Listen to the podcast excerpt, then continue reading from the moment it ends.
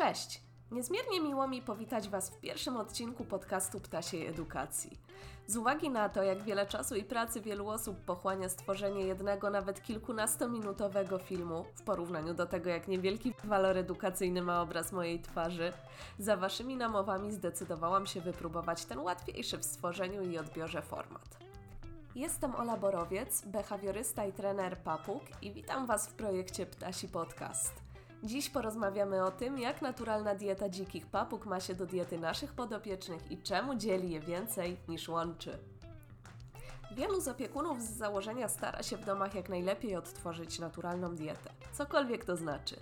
Jak wskazuje Elizabeth Kutsos w swoim opracowaniu na temat żywienia ptaków e, z rzędu Psittaciformes opublikowanym w Journal of Avian Medicine and Surgery, dieta wolno żyjących ptaków rzadko może być zduplikowana w warunkach hodowlanych, ponieważ ogromna ilość ziaren i innych pokarmów nie jest możliwa do zdobycia, tym bardziej w odpowiednich ilościach. Nawet gdyby udało się zdobyć te lub podobne pokarmy, niekoniecznie będą one po prostu odpowiednie pod względem wartości odżywczych. Wynika to z tego, że ptaki spożywają zwykle tyle pokarmu, by zaspokoić zapotrzebowanie energetyczne, a ptaki wolno żyjące zużyją bardzo wiele energii na procesy termoregulacji, foraging, czyli poszukiwanie jedzenia, obronę przed zagrożeniami itd. Tak w związku z tym ptaki wolno żyjące spożywają znacznie większe ilości pokarmu niż ptaki hodowlane. Przy tym jednak dzienne zapotrzebowanie na aminokwasy, minerały i witaminy pozostaje mniej więcej stałe dla każdego gatunku, niezależnie od wydatku energetycznego.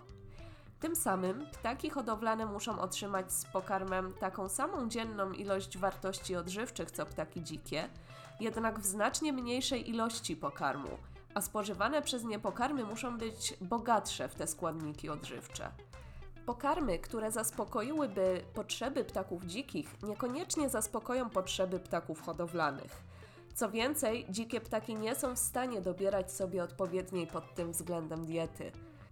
Wiele zwierząt jest w stanie zbilansować poziom kalorii, aminokwasów czy wapnia, przebierając w dostępnych pokarmach. Nie ma jednak dowodów na to, że potrafią dobrać pokarmy, które zaspokoją ich zapotrzebowanie na inne składniki odżywcze.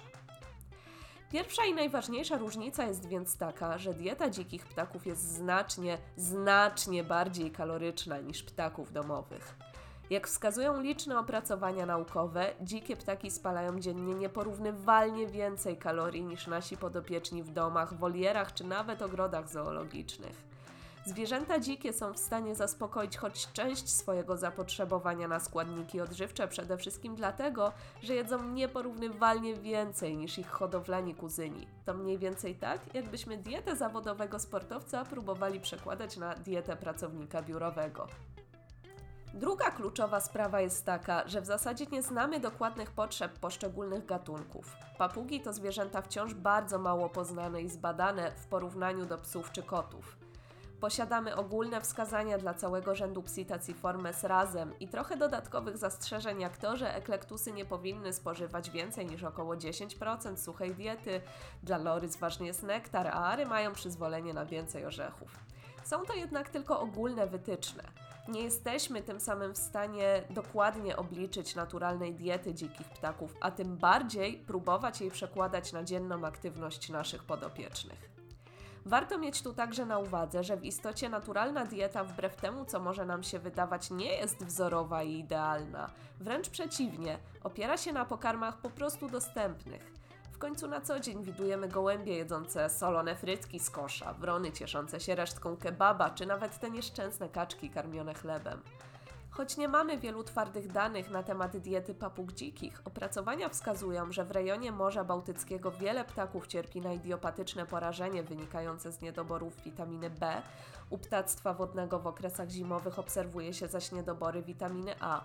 Niedobory wapnia są natomiast uznawane za jeden z największych problemów i przeszkód w reprodukcji u dzikich ptaków. Te obserwacje dobrze dowodzą tego, że dieta, którą ptaki żywią się w naturze, wcale nie jest dla nich do końca dobra i idealnie dobrana i zbilansowana tylko dlatego, że jest naturalna. Wiele osób w jak najlepszej wierze usiłuje odtwarzać dziką dietę jako właśnie tę pierwotną i pożądaną. W praktyce często niestety kończy się to dietą opartą głównie na ziarnie, bo jest naturalne, i odrzucaniu granulatów, bo takie nie są. Jednak ta naturalna dieta nie jest możliwa do zreplikowania, a co ważniejsze, nie jest też w żaden sposób odpowiednia dla naszych ptaków, mających skrajnie inny tryb życia niż ptaki dzikie. Co nieco ironiczne, te nieprzetworzone pokarmy też w żaden sposób nie są naturalne. W końcu pomidor czy truskawka zostały sztucznie wyhodowane przez człowieka, a arbuz, kukurydza czy nawet marchewka praktycznie nie przypominają tych dzikich i pierwotnych. Warto o tym pamiętać i skupić się na tym, co faktycznie i chemicznie jest po prostu wartościowe, a nie na tym, czy ptaki jedzą to w naturze.